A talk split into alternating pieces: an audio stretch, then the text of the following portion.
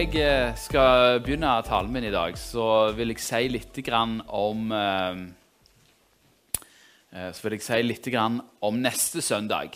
Neste søndag er det vitnemøte. Og det kan man jo tenke er at ja, det er fordi Thomas har fri. Ja, det er sant. Samtidig så tror jeg faktisk at jeg kommer til å være her neste søndag. Så, men, men det er et annet poeng med å faktisk ha et vitnemøte. Eh, og når vi i ledelsen var på, eh, på LED på, i Egersund, eh, der vi snakket om sånne ting, så fikk vi et profetisk ord til menigheten. Og jeg har lyst til å dele det profetiske ordet til menigheten. Og det var at vi skulle Det var en som så akkurat som et, et lager der det var masse utstyr og mat og masse proviant, masse, masse reserver, for å si det sånt, som var godt gravd ned. Og så fant vi dette fram igjen, lufta det opp og, og på en måte tok fram det som hadde vært lagt ned. Og så tenker vi, Hvordan skal vi forstå dette, da? Hva er det lageret som vi har? Jo, det lageret vi har, det er dere som er her, og som har vært her lenge og som har hatt opplevelser med Gud, som vet hvem han er.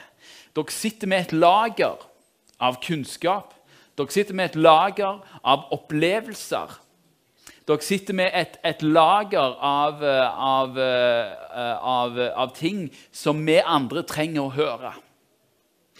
Så når det er vitnemøte neste søndag, så ta fram av ditt lager. Ikke vær, ikke vær ikke vær fullt av menneskefrykt, men kom og del. Fordi at det er mat for oss. Det er mat å høre om hvordan mennesker ble frelst og tok imot Jesus. Jeg har hørt noen av disse her fortellingene deres fordi jeg har snakket med dere én og én. Og det er så trosstyrkende. For det vitner om en Gud som faktisk lever, og som faktisk kaller på mennesker. Så, så jeg vil bare oppmuntre dere til det, og ha det òg med dere videre inn i, i dette året. At eh, det du har fått, det er det verdi i. Eh, og det kan, eh, det, det kan være til, til, nytte, til glede og til oppmuntring for alle andre. Så vær frimodige eh, neste, neste, neste søndag når vi bare skal ha vitnemøte her. Yes, Jeg vil òg hilse fra kona mi. Hun fikk ikke vært her i dag, for hun fikk en skjenk i ryggen i går. Så hvis dere ønsker å være med og be for hun, så setter hun pris på det. Ehm, da skal jeg begynne talen i dag. Og vi skal begynne en serie i dag som jeg har kalt for 'Gå derfor ut'.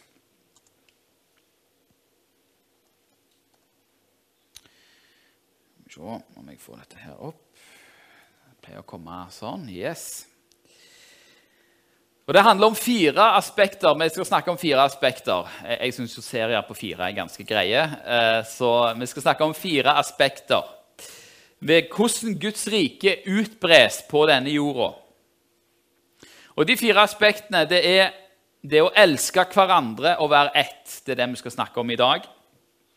Det å tjene andre det å forkynne evangeliet, og så er det bønn. Ved de fire aspektene, ved de fire delene av livet, så utbres Guds rike på denne jorda. Og Et viktig poeng når jeg da skal snakke om disse aspektene, er at de skal virke i sammenheng med hverandre. Alt dette må inn i våre liv og i menighetens liv. Vi kan ikke gjøre det ene uten det andre. Ingenting skjer hvis vi ikke ber. Ingenting skjer hvis vi ikke forkynner. Ingenting skjer hvis vi ikke tjener den verden som er rundt oss. Og ingenting skjer hvis vi ikke elsker hverandre. Så alt dette her må være i hverandre. Så når jeg snakker om dette her, så, så skal alle disse fire være en del av hverandre. Men vi skal begynne med Jeg kommer til å begynne hver, hver av disse talene med, med misjonsbefalingen. Matteus 28, 18-20. Og Jesus trådte fram, talte til dem og sa:" Meg er gitt all makt i himmel og på jord. Gå derfor ut og gjør alle folkeslag til disipler idet dere døper dem til Faderens og Sønnens og Den hellige ånds navn, og lærer dem å holde alt det jeg har befalt dere. Og se, jeg er med dere alle dager inntil verdens ende. Kjære Jesus, Herre, jeg takker deg, Herre, for, for ditt frelsesverk på denne jorda. Eh, at du har, eh, du har, frelst verden med ditt blod, eh, og du har vist at du er den sanne Gud ved at du sto opp igjen fra de døde, Herre. Du har all makt i himmel og på jord, Herre. Og Jeg bare ber Jesus om at vi i dag skal skjønne og begripe noen ting ved dette, Herre. Så ber jeg at du skal velsigne denne gudstjenesten og velsigne ditt ord. Amen. Det som, dette utsagnet her som Jesus sier, det er radikalt. Og Det er så viktig å se at det, se de to setningene som jeg har eh, blinka ut her, som rammer inn budskapet, som rammer inn oppdraget vårt. Det er på en måte Før Jesus sier oppdraget, så sier han 'Meg er gitt all makt i himmel og på jord'. Og etter han har sagt oppdraget, så sier han 'Og se, jeg er med dere alle dager inntil verdens ende'. Oppdraget er ikke gitt oss isolert sett. Sant? Det er ikke sånn 'Her har dere et oppdrag. Gå og gjør det beste ut av det. Lykke til.' Det er 'Jeg har all makt i himmel og på jord'. Det er på en måte utgangspunktet. Jeg regjerer. Jeg er konge. Jeg er herre, sier Jesus. Overalt. Derfor, fordi han regjerer, fordi han har all makt i himmel og på jord, så kan vi gå ut og gjøre alle folkeslag til disipler døyper de til Faderens, Sønns og Den hellige ånds navn, lærer de å holde alt det jeg har befalt dere. Og så, og så, kommer det andre som rammer dette her inne. Og se, jeg er med dere alle dager inntil verdens ende. Vi skal ikke gjøre dette alene. Så det både har sitt opphav i at Jesus har vunnet overalt, og så fortsetter, og så er det han som på en måte fullfører det. Er dere med? Så, så det er Gud er opphavsmann, og Gud er fullenderen. Det sier også hebreerbrevet. Han som er troens opphavsmann og fullender. Og Det er viktig for oss at vi skal leve i. Når vi skal bre ut riket, så skal vi ikke gjøre det alene. Vi skal gjøre det i hans kraft og med han. Og han vil være med oss. Det er viktig når vi skal snakke om alt som handler om å ekspandere. Men det er jo en, eh, det er en radik kvalitet i dette utsagnet òg. Inntil dette så hadde jo hele, eh, hele Guds eh, Inntil dette så hadde jo alt Guds verk handla om Israel. Det var, det var, Israel som var fokus, det var der ting skjedde. Alle profetene, alt snakket jo, snakket jo om Israel. Og så var det innimellom at en dag så skal dette bres ut til alle folkeslag. Og her kommer det. Her kommer oppdraget. Man skal gjøre alle folkeslag til disipler. En radikalt ny tanke. Um, og det hadde aldri skjedd før i Israels historie at man skulle ta budskapet om Gud til hedninger. Men her sitter vi, og jeg tror alle her er hedninger. Det er ingen her som er jøder, tror jeg. Og her sitter vi, hedningefolk, med troen på Jesus. Så dette har blitt gjort. Ellers hadde aldri vi vært frelst. Og Så sier jo dette her også noe om en ekspansjon. Man skal gjøre alle folkeslag til disipler. Vi har ennå ikke klart å gjøre alle folkeslag på jorda til disipler. Men uh, vi er på vei. Vi er på vei. Og Så er jo spørsmålet hvordan gjør man dette? Hvordan utbres dette riket? Og Jeg hadde allerede satt, sagt fingeren på noen av disse punktene. Det vi skal da se på i dag, og som er undertemaet mitt i dag, det er det å elske hverandre. Så kan du tenke Hva i all verden har dette med å gå ut å gjøre? Og det, det skal jeg vise dere etter hvert. Når det å elske hverandre som kristne, det er, det er, en, eh, det er en nødvendighet, eh, vil jeg si. Det er kjempeviktig. Det er så viktig at vi har det i visjonen vår. Nærmere hverandre. Nærmere Gud, nærmere hverandre, Jesus nær til andre. Det er det vi har som visjon.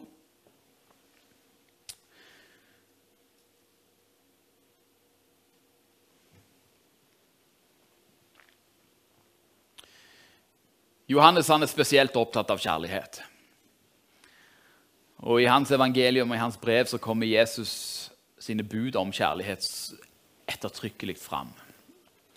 Og I Johannes 15, vers 10 og vers 12 så står det da Hvis dere holder fast på mine bud, da blir dere i min kjærlighet, like som jeg har holdt fast på min fars bud og blir i hans kjærlighet. Og dette er mitt bud, at dere skal elske hverandre like som jeg har elsket dere. Så den kjærligheten som vi har fått av vår Far i himmelen, den skal vi elske hverandre med. Det er et bud ifra Gud. Dette her er jo noe som eh, Jesus taler før han blir korsfesta. Dette her er, eh, taler han ifra eh,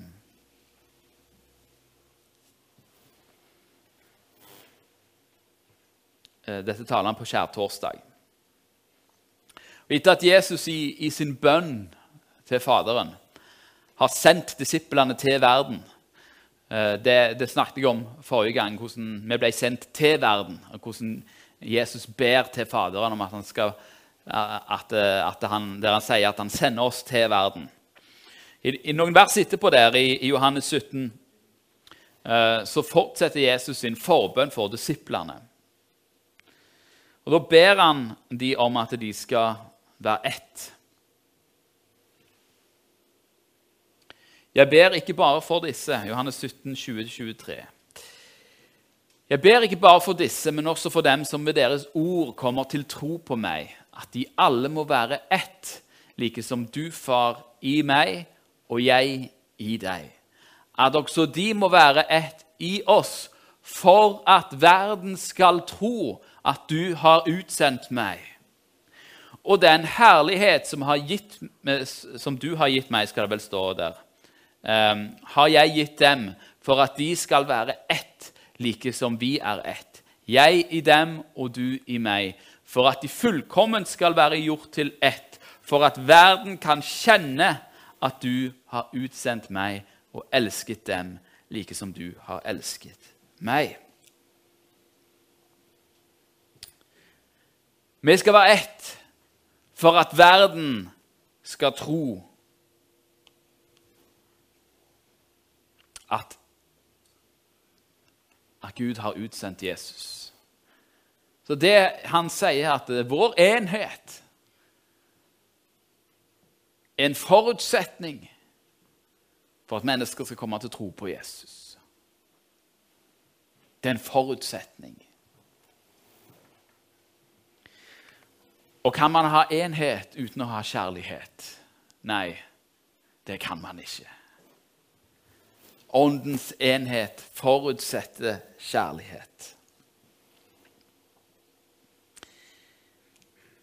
Å være, For å være ett så må vi jo elske hverandre. Hva er det som, eh, er det som, som, eh, som eh, Gud sier når, et, når, en mann og kvinne gifter seg? De blir ett skjød. Og det er en kjærlighetsrelasjon som gjør at de blir ett. Og det er en kjærlighetsrelasjon som gjør at Faderen og Sønnen er ett. Derfor må det være en kjærlighetsrelasjon mellom oss for at vi skal være ett.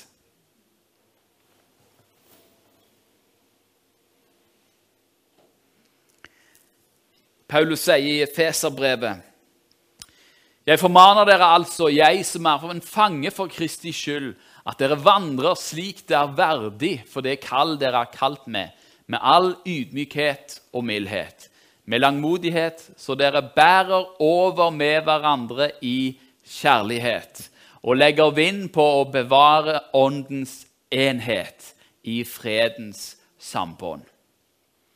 Så kjærlighet og enhet det, det, det er to sider av samme sak.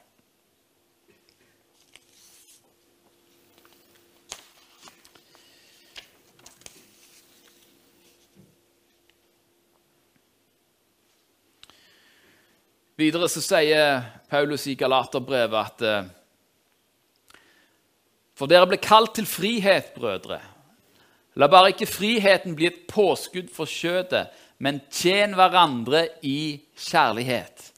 For hele loven er oppfylt i ett bud, i dette du skal elske din neste som deg selv.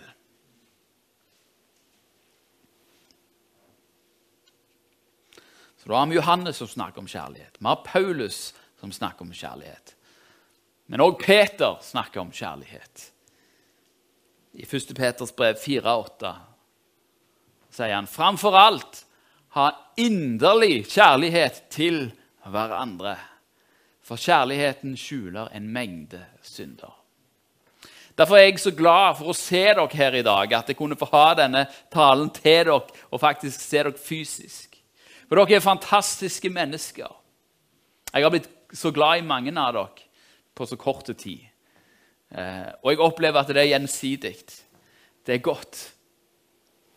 Det er godt å være glad i Guds folk. Det er godt å være glad i hverandre. Alle dere som tilhører Kristus. Dere er mine brødre. Dere er mine søstre. Vi er en familie. Én familie. Én familie av mange folkeslag. Én familie. Det er en fantastisk visjon. Men så er det òg en realitet. Og det er når det blir en realitet, når mennesker rundt oss ser at ja, kjærligheten er faktisk der Disse her elsker hverandre. Da ser de at det vi tror på, er sant. Vi er kalt til å tjene hverandre i kjærlighet. Dette er ikke et forslag. Dette er et bud. Dette er en befaling. Liksom, vi, altså, En befaling om å elske det høres så dramatisk ut. Kan du befale noen å elske? Er ikke det noe som skjer automatisk? da? Er ikke det noe som skjer? Vi må jo ville elske. Ja. Men hvis du, ha, hvis du har møtt Jesus, hvis du har møtt hans kjærlighet, ja, så forvandler det livet ditt, sånn at du elsker andre. Det er jo hele poenget. Og Paulus han knytter direkte kjærlighet sammen med troen. Det, det ene liksom følger av det andre. Til kolosserne så skriver han eller i Kolosserbrevet kapittel 1, vers 4-5. For vi har hørt om deres tro på Kristus Jesus og om den kjærligheten dere har til alle de hellige, av det håpet som ligger ferdig for dere i himmelen. Dette håpet har dere alt hørt om gjennom sannhetens ord, evangeliet. Ser dere det? Tro på Kristus og om kjærlighet til alle de hellige. Dette er ikke første gang Paulus snakker om, om sånne ting. Det er Tessalonikerne som skriver han. Første Tessalonikerbrev 3, vers 6. Men nå er Timoteus kommet tilbake til oss fra dere. Han har brakt oss gode nyheter om deres tro og kjærlighet, og fortalt at dere stadig tenker på oss med glede og lengter etter å se oss igjen, slik også vi lengter etter å se dere. Dette er kjærlighet til brødrene.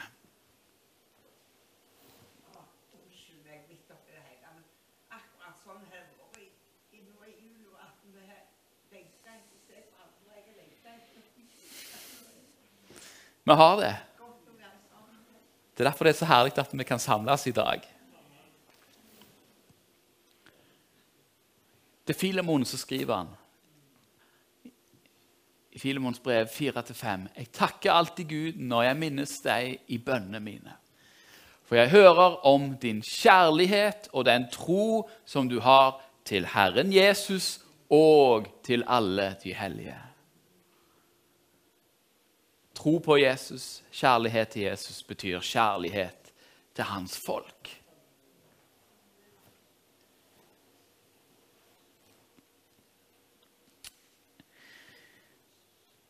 Når det er en av de tingene som er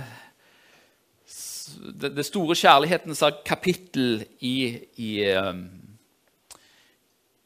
i, i Paulus uh, sin, sitt brev til korinterne. Det, det, skal vi lese litt av. Vi skal ikke lese hele, vi skal lese begynnelsen på det før han på en måte går inn og beskriver hva kjærligheten er.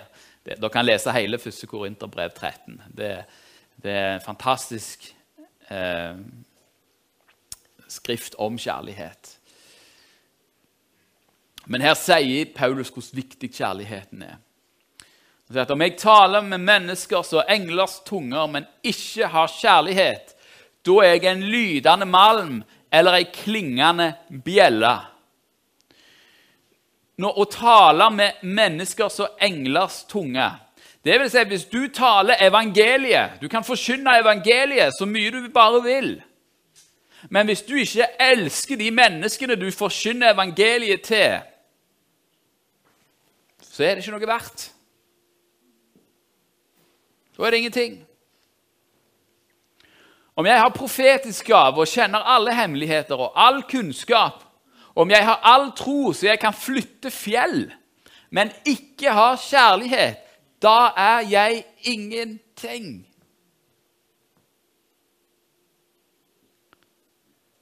Det vil si din intellektuelle innsikt og kunnskap til og med din tro. Hvis den ikke produserer kjærlighet, så er han ingenting verdt.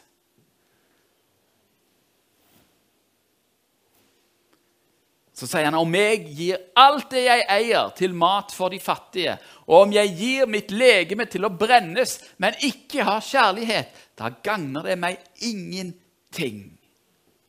Det vil si at det å tjene andre mennesker det er jo det som blir beskrevet her. Det å gi alt, til de, til alt du eier, til mat for de fattige. Det er jo å tjene mennesker. Vi er jo kalt til dette her. Men hvis vi ikke har kjærlighet i bånd, så gagner det ingenting. Hvis det ikke skjer ut av en, et ønske om å tjene, et ønske om å elske disse menneskene Og Så kan du spørre ja, hvorfor vil folk ellers gjøre disse tingene. da? Hvorfor vil man ellers forkynne evangeliet? Hvorfor vil man ellers profetere? Hvorfor vil man ellers eh, gi, gi, mat til de fattige? Det kan jo være for å få poeng i boka. Det er jo det Paulus alltid advarer mot. At man skal gjøre ting for å få poeng i boka. Sånn at Gud kan bli fornøyd med meg. Det er ofte sånn man tenker. Ja, jeg må Uff, nei, jeg har ikke tjent nok. Jeg har ikke bedt nok. Jeg har ikke gjort nok. Det er en tanke som fort kan komme. Akkurat som Gud sitter og fører regnskap. Har han gjort nok? Har han gjort nok? Det Jesus ser etter deg, det er kjærlighet. Elsker du disse menneskene? Elsker du disse menneskene? Tar du deg av disse menneskene? Tjeneste uten kjærlighet er bortkasta.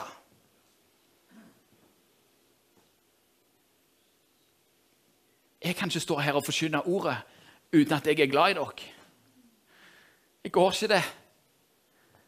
Da blir min lønn ingenting. For alt i Guds rike blir målt i kjærlighet. Er dere med?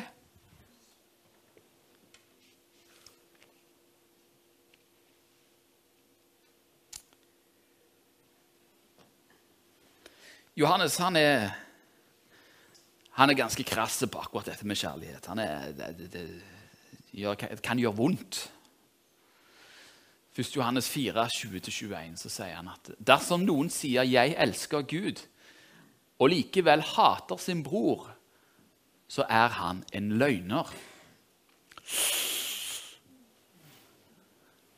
For den som ikke elsker sin bror som han har sett, Hvordan kan han elske Gud som han ikke har sett? Og dette budet har vi fra ham, at den som elsker Gud, skal også elske sin bror. Ser dere hvordan det, det ene fører til det andre? Det, her er jo det dobbelte kjærlighetsbud. Du skal elske Herren din Gud over alt. skal du elske de neste som deg sjøl. Det som du går herifra, det skal ut her. Og Hvis det ikke går ut her, da er det noe galt med det her. For det her, det får konsekvenser.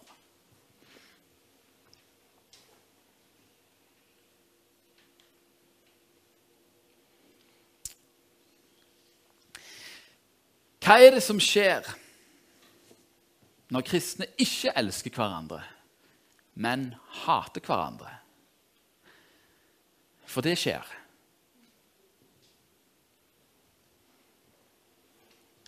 Konflikter oppstår jo mellom mennesker. Konflikter oppstår i familie. Det vet alle her.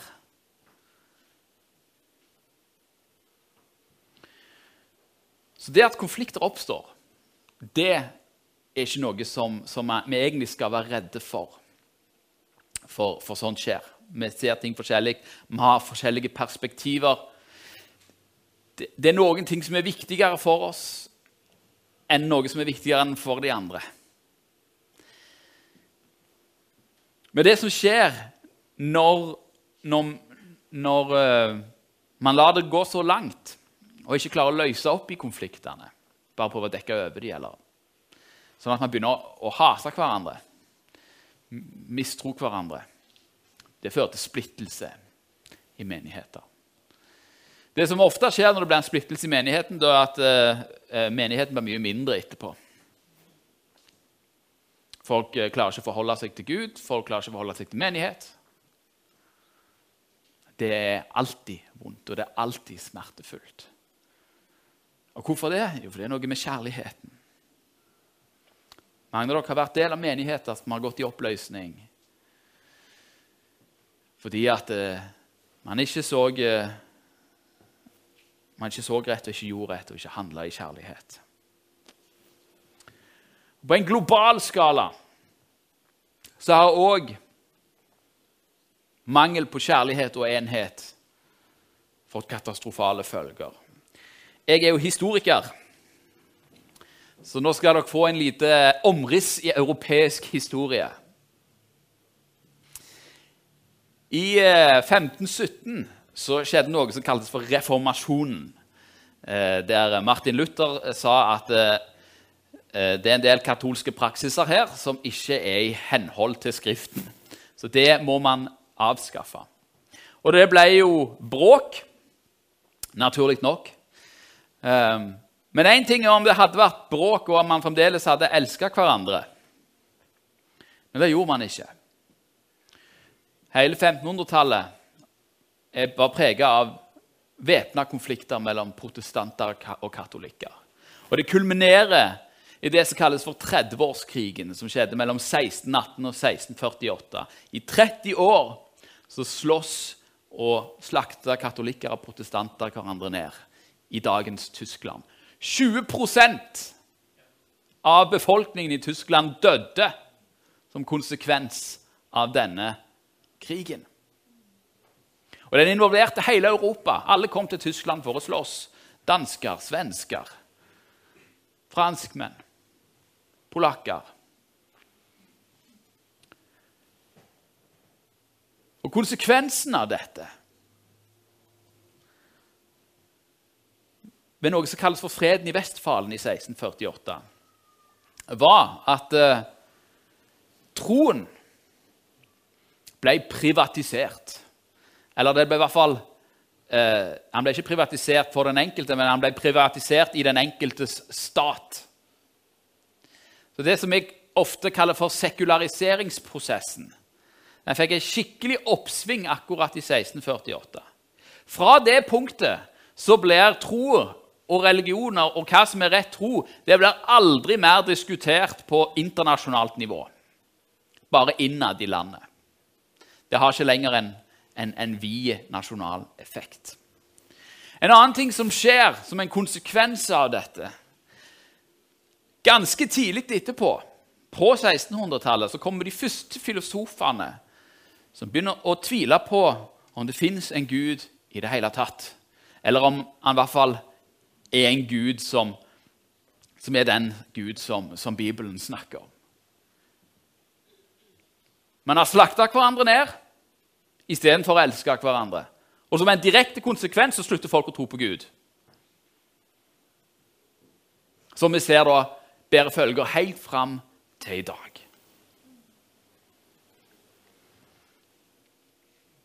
Dere skal være ett for at verden skal se at jeg har kommet til verden. Og hvis vi ikke er ett, hvis vi ikke elsker hverandre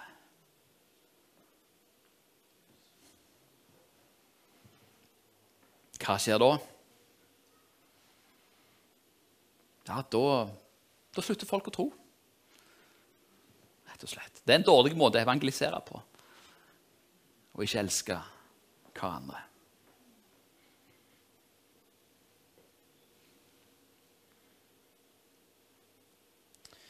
Johannes han fortsetter med å si 1. Johannes 4, 10-11 I dette er kjærligheten ikke at vi har elsket Gud, men at Han har elsket oss og sendt sin sønn til soning for våre synder. Mine kjære, har Gud elsket oss slik, da skylder også vi å elske hverandre. Det er det ordet som jeg vil avslutte med her i dag. Og så vil jeg be, og så vil jeg eh, ja, åpne opp eh, dette rommet. Eh, det er ikke alltid lett å elske brødrene. Det er ikke alltid lett å elske de som er rundt oss. Spesielt, ikke har, spesielt ikke hvis de har gjort noe vondt mot oss. For det skjer jo. Det finnes helt sikkert kristne som du har vanskelig for å forholde deg til.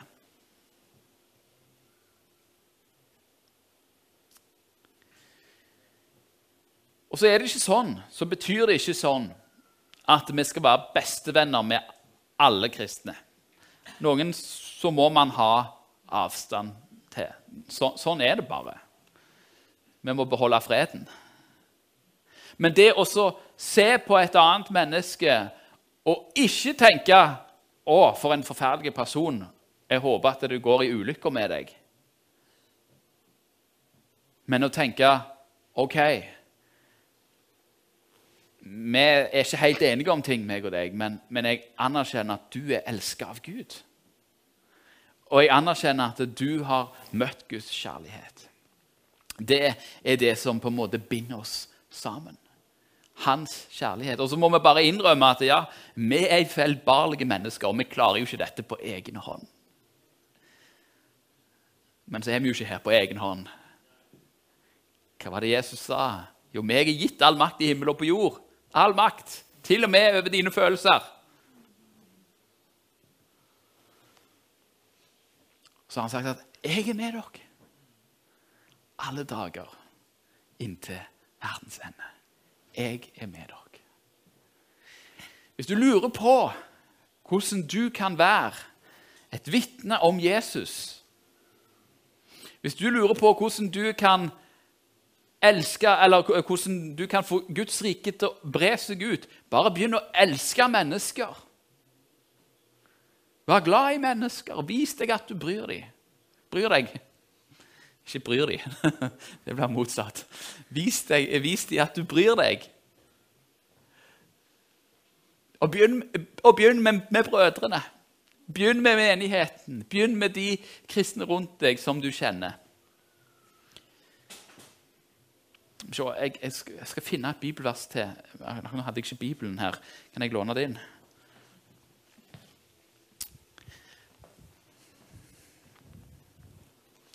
det er han Peter igjen. Han, han sier noe om dette.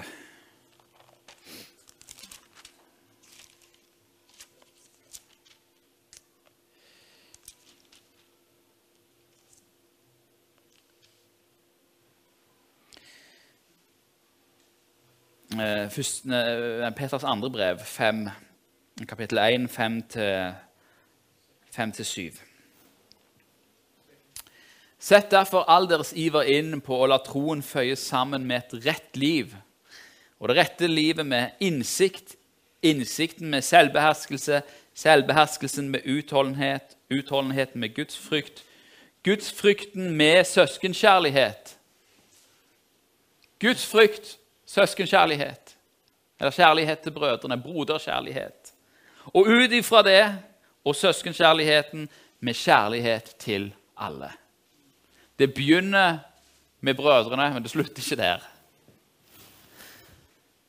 Det fortsetter og fortsetter og fortsetter. skal vi be litt sammen. Og så tenker jeg dette her er en god anledning. Hvis du kjenner at det er noen brødre som du har noe imot, enten fordi de ikke gjør sånn som de skal, eller et eller annet, så, så, så er dagen i dag